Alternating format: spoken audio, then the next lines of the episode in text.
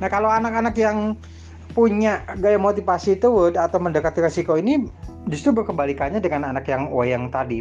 Anak-anak seperti ini semakin dia dilarang, semakin dia dibatasi, justru dia semakin penasaran dan biasanya kalau misalnya dilarang tuh semakin menjadi-jadi. Bahkan uh, ada kesannya tuh di di apa disengajakan gitu ya ininya karena anak-anak yang mendekati resiko ini mereka selalu tertantang mereka selalu uh, curiosity-nya atau tingkat penasaran itu sangat tinggi. Jadi mereka selalu ingin mencoba hal-hal yang belum pernah mereka lakukan. Seperti bahkan ketika ada sebuah resiko justru mereka merasa ada sebuah kepuasan kesenangan seperti itu